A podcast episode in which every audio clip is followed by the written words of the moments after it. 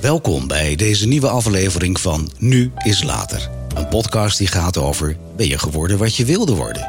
En hoe ben je uitgekomen waar je nu bent? En waar wil je naartoe? Mijn naam is Victor Chevalier en je luistert naar praatkast.nl. Vandaag hebben we te gast Tineke de Nooi. Op 12-jarige leeftijd mocht Tineke al de station call inspreken voor de AVRO. Op haar 18e belde ze gewoon aan bij de studio van Radio Veronica. En Tineke mocht gelijk blijven. Nadat in 1974 Veronica de uitzendingen op zee moest stoppen, ging ze werken voor Hilversum 3. In haar daarop lange radio- en tv-carrière interviewde ze onder andere Cliff Richard, Graham Nash, Stevie Wonder en John Denver. Tineke werd later de uitvinder van een middagtelevisieprogramma waarin live werd gekookt. Na vele jaren programma's gemaakt te hebben voor RTL is ze langere tijd in Zuid-Afrika geweest. Om het culturele erfgoed van de zeetijd van Radio Veronica veilig te stellen, werd Tineke actief met Radio 192. Als opvolger van Mona schreef ze ook voor Weekblad Story. En in 2006 keerde ze terug op tv voor Omroep Max. En daar werkt ze nog steeds. Alweer elf jaar lang presenteert ze de Tineke Show op NPO Radio 5. Al meer dan 60 jaar te horen op de radio. Vanwege haar verdiensten heeft ze dit jaar de Media Over Oeuvre Award gewonnen. Hoe is Tineke uitgekomen waar ze nu is? Wie is de mens achter de functie? We kunnen het vandaag allemaal aan haar vragen. Sterker, we kunnen vandaag alles aan haar vragen. Want ze is bij ons in de praatkast. De koningin van de radio. Hartelijk welkom, Tineke. Leuk om te horen, zoiets. ik denk, ja, het is allemaal zo. Klopt het allemaal? Ja, zeker. En nog veel meer. Maar daarom zit ik natuurlijk hier dan. Ja, dat wil jij weten. Maar wat ik altijd aan, de- aan het begin van de podcast vraag... is dit nou de baan waar je, waar je eigenlijk ook al als kind van droomde? Ja, Helemaal, hè?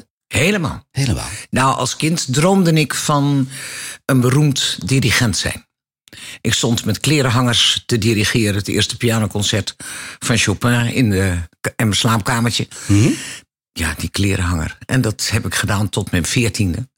Maar wij woonden dus, eh, het gezin De Nooi, De Nooi. woonde in Hilversum eh, in een buurt waar iedereen bij de omroep werkte. Het was de glorietijd na de oorlog en de jaren 50 van de radioorkesten. Ja. De Ramblers, eh, Theo Ude Masman, allemaal muzikanten in onze buurt die in een radioorkest speelden.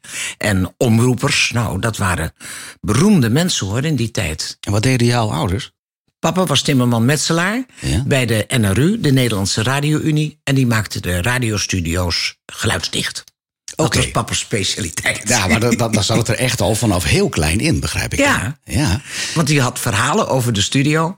En mijn moeder is eh, secretaresse geweest.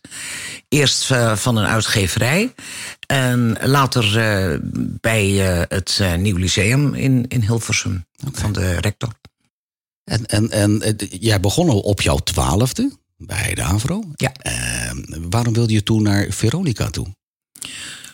Want je was 18 en toen, toen belde je aan. Ja, met het Veronica. Ja, nou ja, ik wilde bij de radio. Ik had gesolliciteerd bij de. Wat was het nou? De hoorspelkern. Want dat leek me zo spannend. Dat vond ik zo leuk. En toen. eh, ik werkte als telefoniste in Hilversum. Ja, dat had ik een jaar gedaan. Ik was verloofd. Op mijn achttiende. Dat deed je toen. Ja. Dat moest je zelfs op tweede kerstdag. En eh, ik vond het een eh, saaie job. En ik liep in Hilversum door het centrum. En daar stond op een oud gebouw...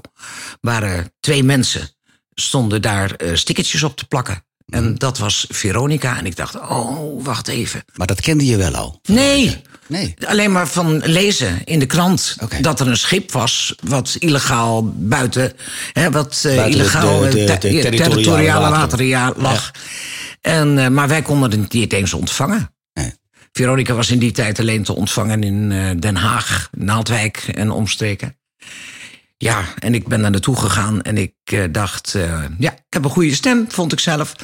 En ik kan schrijven, dus ja. En toen zeiden ze, je kan 250 gulden per maand verdienen. En dat was in die tijd was dat een hele, heel redelijk 1960 was dat een keurig salaris, ja. Ja, daar was niks mis mee, denk ik. Ik geloof zelfs dat ik het een paar maanden niet heb gehad. Dat we gewoon hebben doorgewerkt hoor. ja. ja. En, en als je nu terugkijkt, hè, want was dat nou de meest mooie periode? De, de, de echte zeetijd van Veronica? Nee. Tussen 1960 en 1974? Nee, het is. eh, eh, iedere fase in mijn leven is leuk geweest van mijn vak. En dat komt omdat ik nooit ben stil blijven staan. De hele Veronica-periode heeft ook van 1960 tot 1974 bestaan uit verschillende fases. Eerst die paar jaren dat we keurig met alleen de, de orkesten, grote orkesten draaiden... met Catharine Valente en zo, Edmundo Ros. En dat we in 64, 65 meer de popmuziek gingen draaien. En zeker toen Joost de Draaier, Willem van Koten... eh, eh, programmaleider werd en naar Amerika was geweest... ja, toen kregen wij de top 40. Ja. En eh, ja, dat, die werd gedrukt. En toen werden wij de discjockeys ook met foto's afgebeeld. En toen begon het meer gestalte te krijgen. Maar dat was eigenlijk vanaf 1965. Toen kregen we een nieuwe periode. Vanaf 66, geloof ik, gingen we de drive-in show doen.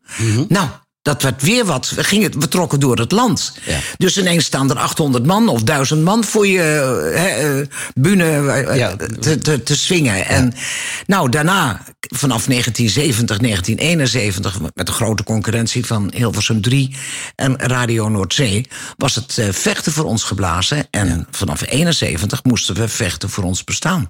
Nou, toen zijn we ook weer door het land gaan reizen. Het is zo'n fascinerende tijd geweest voor ons allemaal. En we waren natuurlijk hartstikke jong. Dat was het allerleukste. Ik was 18 toen ik begon en 32 toen het, toen het stopte. Maar de meeste van mijn collega's hadden die leeftijd. Dus we maakten alles met elkaar mee. We zaten bij elkaar op verjaardagsvisite. We gingen trouwen. We wel huizen kopen of niet huizen kopen. Nou, we kregen geen hypotheek omdat we geen vaste baan hadden. Die baan kon iedere dag eh, Ja, stoppen. verdwijnen natuurlijk. Ja, ja. Eh, ja, we hebben heel veel meegemaakt. En dat gevoel is altijd gebleven. Die saamhorigheid. Je bent later bij, bij, bij Radio 3 ben je ook weer eh, doorgegaan. Dat was toen de tijd nog Hilversum 3 met eh, Felix Ja. Murders en Frits Spits. Ehm, maar jij was wel de enige vrouw eigenlijk aan al die jaren... waarvan ik weet dat die echt tot die kringen doorgedrongen was. Ja, ja. Nou, Meta de Vries, hè? Meta de Vries, dat is een Meta. Dat deed klopt. Die Radio mogen we 3. niet vergeten. Nee, zeker Nee, niet. Meta was ook een hele mooie, een hele Ja. goede. Maar wat, wat, wat maakte jou nou zo succesvol in die jaren? Ik weet het niet. Dat weet ik pas achteraf. Ja, we, we zitten nu achteraf, want nu Ja, is later. Dat ja. is een beetje het hele idee. nou, Dus- toch wel omdat het uniek was. ja. Ik, eh, omdat ik een van de weinige vrouwen was die in de popmuziek zat en er ook nog verstand van had. Dus daarom ook gewaardeerd werd Ja. door de muzikanten. Die dachten, dat kunnen we waar wel toevertrouwen. We kunnen het eh, laten horen en, en is het goed of niet goed. Mhm. Ja, die, die instelling heb ik. En die hebben ook heel veel vrouwen niet. Die draaien keurig plaatjes. Ja. Maar hebben geen verstand van wat ze doen. Nou, dat vind ik nog steeds van mezelf dat ik dat heb hoor. Maar dat, dat doe je toch goed, hè? Ja. Ehm, maar heb je nou het idee dat er, dat er toen de tijd ehm, gediscrimineerd werd? Dat er, dat er dus eigenlijk vrouwen bewust achter de microfoon weggehouden werd? Dat het eigenlijk een mannenbolwerk was? Ja, zeker. Joost de Draaier heeft het nog wel eens in grote interviews gezegd. Ja? Ja, vrouwen horen geen discjockey te zijn. Nou, ik heb een half jaar niet met hem gepraat. Is hij gek geworden? ja. Maar Ja. waarom vond hij, vond hij dat dan? Had hij daar Ja, reden dat voor? vond iedereen. Dat vond iedereen. Ja. Oké. En er zijn nog steeds heel weinig eh, vrouwelijke discjockeys. Het, het wordt wel meer, vind Ja. ik, maar ik ben het met je eens. Het zijn op dit moment nog steeds weinig. Ja. Maar nog even terug naar die begin jaren zeventig. Want daar, daar zaten we net in het, in het verhaal. Wat gaf jou die drive om toch door te gaan? Om toch die binnen die hele, dat hele mannenbolwerk. Het was, het was überhaupt spannend, want het was illegaal. En het werd een beetje legaler toen we met Veronica in de jaren tachtig eh, de zomer doorgingen, zeg maar. Maar jij was altijd een van de weinige vrouwen die daar altijd in bleef opvallen. Met name op radio. Omdat ik eh, gewoon werken moest. Ik ben een werkende moeder. Ik had een gezin, dus ik moest geld verdienen. Dus het was niet eh, de drive van ik moet zo nodig op de radio. Nee, je mag je handen dichtknijpen dat je een leuke baan hebt. Ja. En dat je collega's het fijn vinden dat je erbij hoort. En zo heb ik altijd gewerkt. Want dan, nu na al die jaren roepen ze uit... ja, maar je hebt toch een fantastische carrière gemaakt. Hoezo carrière? Ik heb gewoon gewerkt. Maar wel altijd de mogelijkheden gezien voor de uitbreiding. Ja. Nou, dat is toch best redelijk uniek. Maar v- Nou. vind, je, vind je dat dat dan dat daar dat, dat, dat misplaatst is om je daarvan te zeggen dat je dat eigenlijk vreselijk goed deed? Nee, het is wel heel anders. Nadat ik televisie ben gaan doen, ben ik ook meer presentator geweest. Lex Harding zei in een interview, wat, eh, een documentaire die gemaakt is eh, over mij door Han Pekel. En dan zei hij, ja, Tina zal het me niet in dank afnemen, maar ze is geen discjockey natuurlijk, ze is een presentatrice. En dat is zo. Wat is het verschil, vind jij? Nou, kijk, als je eh discjockey bent, dan maak je tempo, dan spreek je de intro's in, dan, dan, ja, dan ben je veel meer gespitst op de muziek. En de radio die ik nu maak, en zeker vanaf die, eh, de, tijd dat ik bij Max zit, zit ik daar gewoon lekker te kletsen met, eh, met luisteraars. En ik spreek nog wel eens een keer een plaatje in, natuurlijk. Ja. Omdat het mijn muziek is. En, en die hoort dan ook bij me. Daarvoor zit ik bij een goede zender. Ja. Wij draaien de muziek uit de jaren 50, 60, 70, 80, weet je. Dus Ja, dat is leuk. Ja.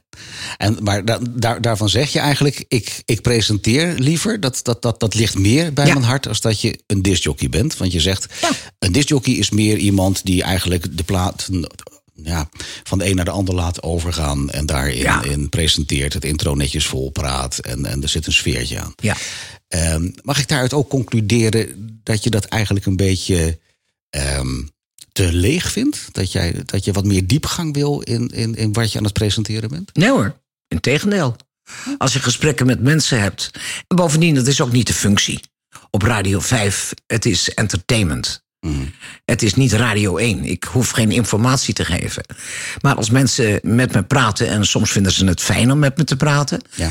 dan komen er eh, persoonlijke ontboezemingen. En ja, daar hou ik wel van hoor. Dat vind je weer wel mooi. Ja, dat, ik hou ervan om met mensen te praten. Maar ja, hoeveel diepgang kan je maken in vier, vijf minuten? Hè? Wat, wat- wanneer is een programma voor jou geslaagd? Als er gelachen kan worden, dat is heel belangrijk. Als er sfeer in zit. zijn. Maar er mag ook gehuild worden. Dat, dat je ontroerd bent. En dat gebeurt soms. Maar dan zeg je eigenlijk dat je mensen wil raken. Ja. Ja. Ja, dat wil ik. En, en, en eigenlijk wil je daarmee, tenminste zoals ik je ken, maar dat is dan een beetje zoals ik het zelf interpreteer. Hè, dus corrigeer me alsjeblieft als het anders ligt. Maar ik krijg daar een beetje die idee van dat, dat je eigenlijk graag warmte wil geven. Dat je graag mensen wil zien. Dat je mensen wil respecteren. Ja, Zeg ik het goed? ja dat, dat is het ook.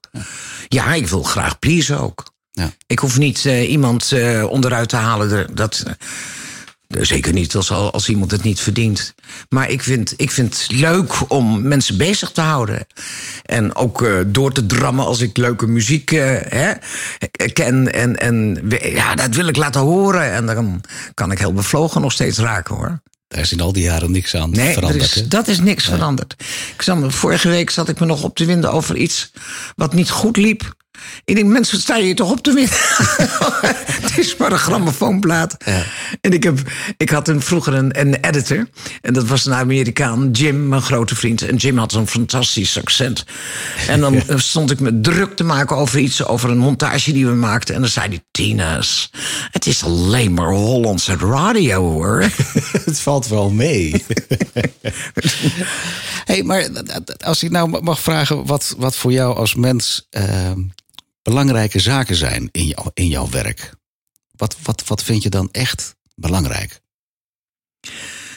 Dat het eh, wat kleinschaliger wordt eh, gehouden. Ik vind dat het tegenwoordig zo over zoveel schijven gaat. De, het eenvoudige binnenkomen lopen zoals wij deden vroeger met drie koffers. Twee met LP's en één met, eh, die niet te tellen was met alle singeltjes. En je cassettes met je jingles. Ja. Nou, dat is er allemaal niet. Dus daar hoeven ze niet mee te lopen, want alles is eh, geautomatiseerd. Ja. Ja, precies. En dat, dat, eh, dat doen we dan. Maar er is iemand die een voorgesprek doet. Er, is, er zijn zoveel mensen bij. En dat vind ik jammer. Het was vroeger altijd radio maakte je met je technicus. En daar ben ik het meest gelukkig mee dat ik dat ook bij Max heb. Ik heb mijn regisseur waar ik al 10, 11 jaar mee werk. Ik heb eh, een technicus die ik, of, of technici, Ja. die precies aan mijn stem horen wanneer wel de plaat en wanneer niet de plaat. Terwijl ik nog steeds al 60 jaar hetzelfde gebaar heb met mijn hand, hup, meteen omhoog. Maar dat, het moet voor mij kleinschalig blijven. Je wil graag de grens met de luisteraar zo klein mogelijk maken. Of Ja. zo, zo licht mogelijk. Hoe Ja, zeg je dat? maar daarom is die podcast ook leuk. Ja. Zo'n podcast is gesproken woord. Kun je lekker lang maken. Ja. Je kunt uitgebreid met iemand praten. En die podcast is dan voor degene die in de auto zit of thuis zit. Helemaal niks te doen heeft. Op de televisie heeft zitten kijken. Nou, er is niks. Ik ga eens luisteren. Ja. En dan is het één op één. Er wordt nou door één persoon naar ons geluisterd. En dat is leuk. ja. Je, zit, je zit letterlijk in iemands Ja. oor. Ja. ja. Ja, dat snap ik. Ik zit in jouw doelgroep en jij zit in mijn doelgroep. Ja. Ja, precies, letterlijk. Dat is mooi dan, hè? Ehm, als je nou jouw loopbaan overnieuw zou moeten doen, zou je iets veranderd hebben? Oh nee. Het is allemaal gelopen zoals je het Ja. hebben wilde. Ja. Ik heb. eh, want ook. Ja, de onderliggende dingen heb ik gedaan. Ik heb in, in, in films gespeeld, wel als heks natuurlijk. Waarom natuurlijk als nou ja, niet, niet, niet als een echte actrice. En, en eh, een of andere eh, nachtclub eh, aankondiger heb ik ook gedaan in een speelfilm. Ja. En wat heb ik nog meer allemaal gedaan? Ik. Ja, dingen die toch met mijn vak te maken hebben. Want je had het over Zuid-Afrika. Ik heb er nooit echt gewoond. Ik ben altijd twee keer per jaar een paar maanden daar eh, eh, geweest. Maar wat deed ik in die tussenliggende periode? Ik organiseerde concerten. Mhm. Want ik wilde Concerten wel... in Zuid-Afrika Ja, hier? nee, concerten in Zuid-Afrika. Ik had, eh, of ik heb nog steeds vrienden met een boerderij op het platteland. Want daar heb je afstanden, daar word je helemaal gek van. Ja. En eh, daar stond een schitterende Steinway-vleugel bij hun. Ja. Die had ze eens een keer op een veiling gekocht. En nou, wat moet je ermee? Die hebben we laten opknappen en die klonk geweldig. Toen dacht ik, aha. En in eh, Kaapstad waren Peter en ik, mijn man en ik, uit eten. En in dat restaurant speelde een pianist en zong een heel mooi donker meisje. Klassiek. Ja. Dus ik er naartoe. Ik zei, jongens, ik woon anderhalf uur rijden verderop in Veldrif. Daar staat een prachtige vleugel. En zouden jullie een keer bij ons willen komen optreden?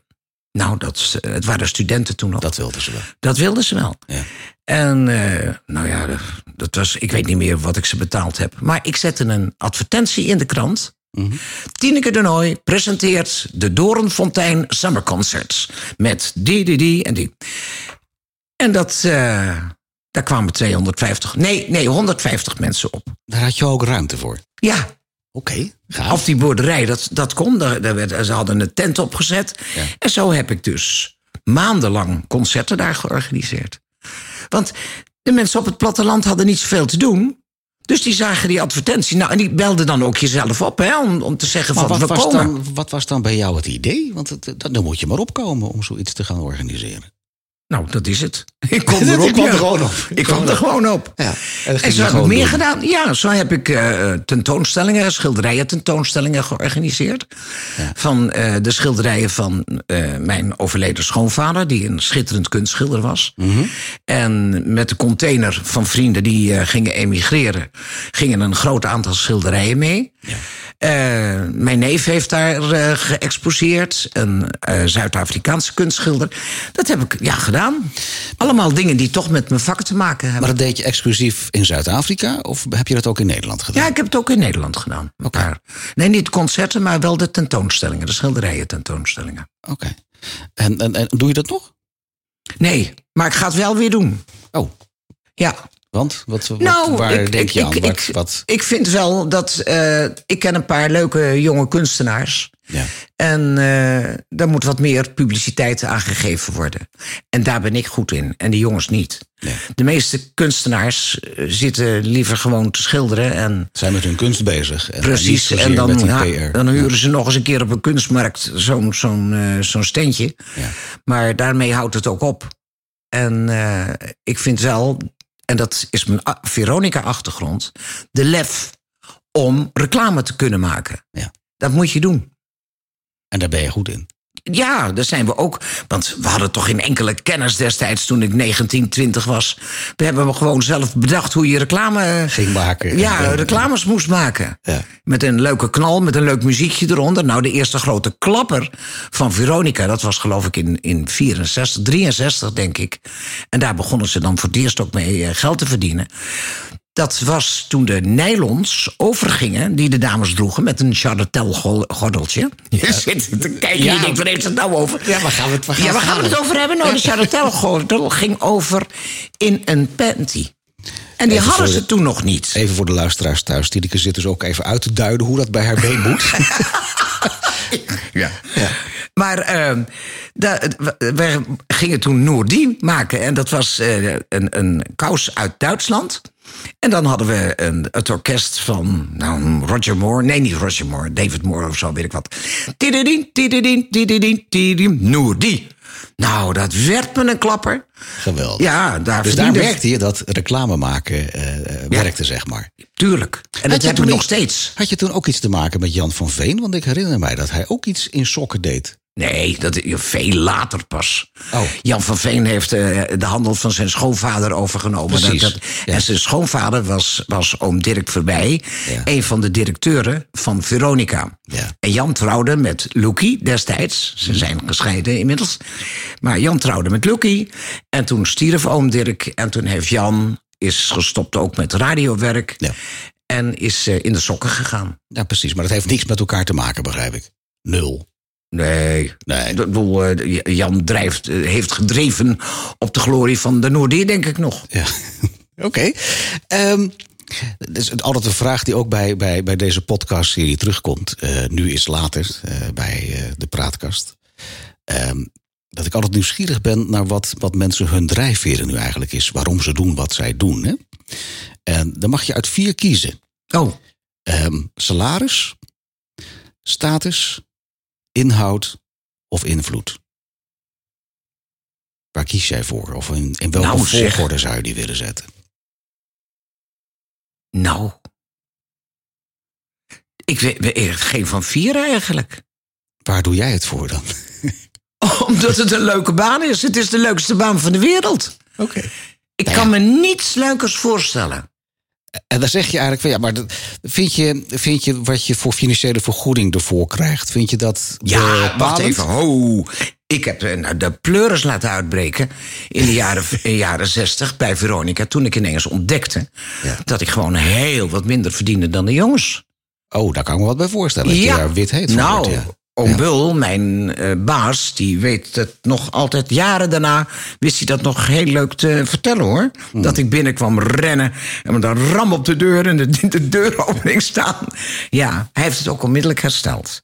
Maar anno 2021 gebeurt het nog steeds dat vrouwen minder verdienen dan mannen die eh, eenzelfde functie hebben hoor. Raar eigenlijk, hè? Dat Ja, dat het is schandalig. Ja. Maar daar hebben wij toch voor gestreden. Wie is wij? Wij vrouwen. Wij vrouwen. Ja, en dan moet je in de gaten houden. Vrouwen. Nee, dat het, dat het feit dat het gebeurt. Het, het, het, dit is eigenlijk heel eng. Even, ik- ik zit er een grapje van te maken. Maar het, is eigenlijk, het is eigenlijk heel eng dat we anno 2021 nog steeds die rare verdeling hebben. Ja, Maatschappelijk ben ik helemaal met je eens. schandelijk. Status, in hoeverre vind je dat een belangrijk thema in jouw carrière? Nou, dat is bij mij langzaam gegroeid natuurlijk. Want toen wij in 1960, 61 begonnen, wie wist wie Tineke de Nooi was? Ja, in En het was- 1970 wel. Ja, in 1970 wel. Maar het is allemaal langzaam gegaan. En toen ik televisie ging doen, presenteren, 81, 82. Eh, ja, ik was daarvoor wel diverse malen in beeld geweest. Maar als je dan regelmatig een tv-programma doet. en zeker als je iets doet wat daarvoor nog niet gedaan was.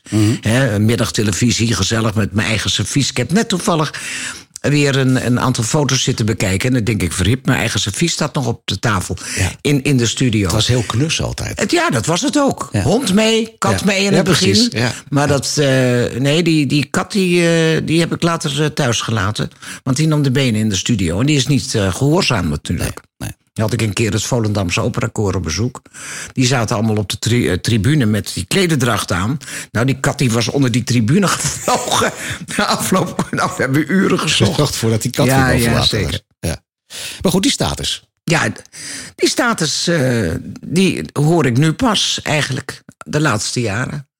Nou ja, Wat je- ik dan ook- betekend heb voor mensen. En dat, dat ontroert me vaak hoor. Nou ja, je wordt ook niet voor niks de koningin van de Nederlandse radio Ja, genoemd. ja. Ik, ik vind dat een hele eer als ik dat... Dat eh, is het ook. is toch mooi? Ja, dat is het ook. Als er hier straks een microfoon kopjes wordt gegeven, dan is dat de poes. Want als ik mijn podcast opneem, dan komt hij altijd langs en dan wordt iedereen begroet. Ja, even voor de duidelijkheid, wat mensen denken, waar gaat het verhaal nu over? Maar er zit hier dus een, een kat, of is het een kat of een poes? Eh, nee, een kat. Ja, het is een kat, het is een poes. Eh, ja. Nee, is toch een verschil, is het een mannetje of een vrouwtje? En dan is het een kater. Oh, is het een kater? Ja, Het is een kater. ja. Er zit dus een kater op tafel. Een kater op tafel. Maar je praat niet over een kater op tafel, er is een poes op tafel. Want? Wat is het verschil dan? Het klinkt iets gezelliger. Oké, het klinkt gezelliger. Ja. Nou, tot zover. Dat was dus de derde vraag die ik had. Oh ja. Inhoud. In, in, in hoeverre vind je dat een belangrijk thema in al het werk wat jij doet? Oh, ja, dat vind ik wel belangrijk. Omdat eh, ik toch trots ben op een aantal eh, onderwerpen die ik heb gedaan in mijn programma's. Waar eh, daarvoor niet zoveel aandacht aan is besteed. Ja. En dat. Kun je daar voorbeelden voor noemen? Ja. Ik heb eh, bijvoorbeeld vorig jaar een brief gekregen van een eh, mevrouw. Die schreef: eh, Ik vind toch dat je moet weten hoe belangrijk het is geweest dat jij op een middag in de jaren tachtig, ik was toen tien jaar, schrijft ze, dat ik met mijn moeder heb zitten kijken en dat jij het had over incest, een woord dat ik niet kende. En toen werd beschreven wat een incestpleger doet. En toen wist ik wat mijn vader deed, dat het niet goed was. En toen kon ik praten met mijn moeder. Nou, kortom, jarenlang Heftig. dat is eh, in therapie geweest. En, maar ze zei, ik vind toch dat je moet weten dat ik, eh, dat, hoe belangrijk dat is. Ja. Nou, en dit soort voorbeelden heb ik, eh, nou ben ik toch regelmatig tegengekomen. Ook toen ik de paranormale wereld deed, Mhm. twee jaar lang. Eh, ja, er zijn toch dingen gebeurd waar mensen mee geholpen zijn. Of waar ze de, hè, de. Je hebt ze de ogen geopend, laat ik het zo zeggen. Wij, wij hebben toevallig ook een podcastserie bij de Praatkast lopen. Paranormaal of niet? Met Thomas Wolthuis. Ik weet niet of je die Ja, zeker. zegt. Ah, die ken je. Ehm, heb je. Heb je de indruk dat dat een thema is die jou aan het hart gaat, blijkbaar? eh, die onderbelicht is in Medialand? Wat de paranormale wereld? Ja? Ja, ik heb toevallig eh, van de week in een interview ook gezegd. De tijd is rijp hoor. Ja. Om een, om een eh, paranormaal programma weer eens te maken. En dat zou je het liefst op televisie zien. Hoor. Ja, dat kan. Ja. Dat kan. Kijk, de, de, de, het- onderzoek, bijvoorbeeld UFO's nu, hè? Mhm. Daar, de, de, de, eh, in Amerika hebben ze dus nu een aantal dingen vrijgegeven. Ja. En ja, er, er gebeurt meer. En dat, dat heb ik geweten, want wij hebben dat gefilmd ook destijds. Daar gebeurt niks mee. De, wat de omroepen hebben gedaan op een gegeven ogenblik... en dat is naar Jomanda gekomen en naar mijn serie De Paranormale Wereld... Ja. dat ze het heel commercieel gingen doen. Ze namen van die hele commerciële paranormale mensen. Nou ja, dat is aan te vallen. Maar een onderzoek, iemand die een goede journalist... die onderzoek doet naar de ufo's... en daar met eh, verhalen aankomt... dan, eh, ja, dat is spannend hoor. Ik vind dat daar een eh, markt voor is. Oké. Nou ja, wie weet. Dat Ja. gaat deze podcast nog ergens toe leiden dan. Maar dat geeft ook gelijk antwoord op die laatste vraag. Ja. Want het ging over invloed. En dat vind jij wel een belangrijk thema. Dat je dus vanuit je eigen beleving wel invloed wil hebben. Nee, Hoe, ik wil geen invloed hebben. Nou, dat heb je toch Nee, moment. ja, ik heb het wel, maar ik, vind, Ja. ik hoef geen invloed te hebben op iemand. Nou ja, niet op iemand. maar dan begrijp je mijn vraag niet goed. Want ik bedoel te, Oh. te vragen eigenlijk. Van, Ja. Vind jij het belangrijk om thema's die jij vindt dat die maatschappelijk onderbelicht zijn. Je benoemde net een stukje incest. Je benoemde paranormaal zijn. Dat vind je wel belangrijk. Toch? Mhm. Ja, zeker. Dat je dat, dat, je dat laat, laat zien aan mensen waarin eh, dingen zitten. En het allerbelangrijkste is dat je de kans krijgt. Ja. En ik heb ze gekregen om dat te laten zien. Ehm, je werkt nu alweer elf jaar voor Omroep Max. ja. Ehm, heeft Jan Slachter jou gevraagd? Of ben jij naar Jan Slachter gelopen van... Jan, ik wil wat gaan doen? Nee, eh, Jan had ik al ontmoet, want ik had eh, een televisieprogramma gemaakt voor, eh, voor Max. Maar mijn dochter, Tuffy, Mm. Die deed uh, een jazzprogramma, Jazz op 6, voor ja. Max. Ah, oké. Okay. En een producer, die kwam ze tegen en, en ja, nou ja, in ieder geval, toen ze iemand voor de radio nodig hadden, toen riep Tuffy, ja, maar mijn moeder woont helemaal niet in Zuid-Afrika, die is thuis. Die zit hier. Die zit hier in Nederland. Ja. Want wij waren onze leuke. Uh, ik, mijn man Peter uh, had een, uh, een paar herseninfarcten gekregen. Mm. En toen konden we niet meer reizen. Ja.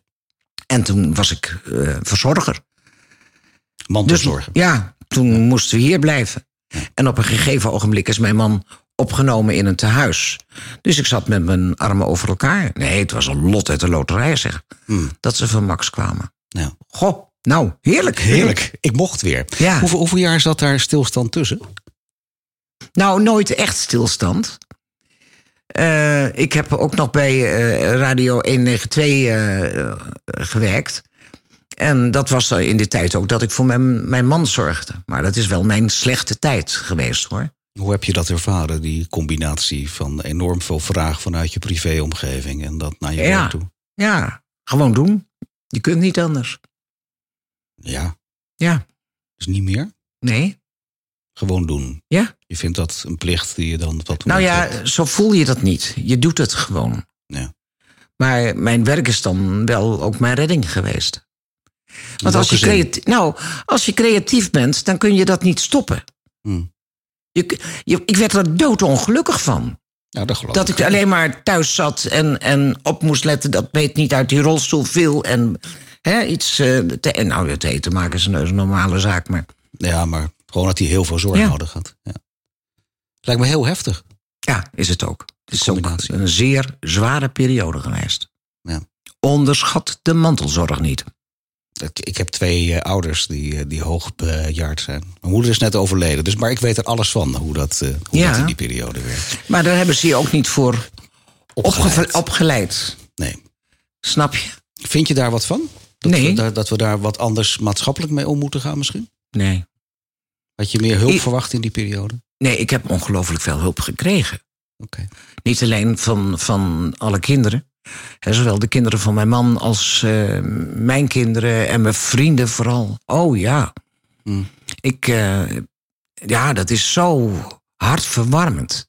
Hoeveel hulp ik heb gekregen, altijd. Ja. Dat is heel belangrijk. Maar dat, eh, nee, ouders moeten niet. eh, ik weet nog destijds dat mijn moeder zei. Eh, dat was, ja, van, ik ben ouder, een stuk ouder dan jij. Vlak na de oorlog. Wat geweldig dat wij nooit afhankelijk zullen zijn van onze kinderen. Ja. Ja. Hè? Wij hebben dan de AOW, eh we hebben goede verzekeringen tegenwoordig. Ja, en dat was vroeger niet. Waren de mensen afhankelijk van elkaar. Nou, Van de kerk in die tijd al. Ja, ook nog. Nou, nou, wat gebeurde er als je niet kerks was? Ja, had je een probleem. Maar er zijn in, in, in, in Afrika en in Indonesië, trouwens in het oosten ook, zorgen kinderen voor ouders. Dus die wonen daar. Maar dat zit niet in onze cultuur. Nee. En nu zijn ze weer afhankelijk van hun kinderen. Je bent weer afhankelijk van je kinderen. Ja. En dat hadden ze me niet verteld. Nee. ja. Ik, ik merk het nu ook zelf. Mijn, mijn dochters en, en de kinderen, ze zijn meer bij mij betrokken. Daar moet ik nog erg aan wennen hoor. Je vindt er wat van, blijkbaar. Ja, Ja. ja. Wil je vertellen wat? nou, dat het. Af en toe denk ik, eh, jongens, eh, mag ik even mijn eigen leven blijven leiden? Je wil graag heel Ja. lang zo zelfstandig mogelijk Ja. blijven, begrijp ik. Maar het is natuurlijk wel zo dat je, dat je eigenlijk ehm, eh, het, het werk ook zo leuk vindt... dat je, en bedoel ik niks vervelends mee... maar op jouw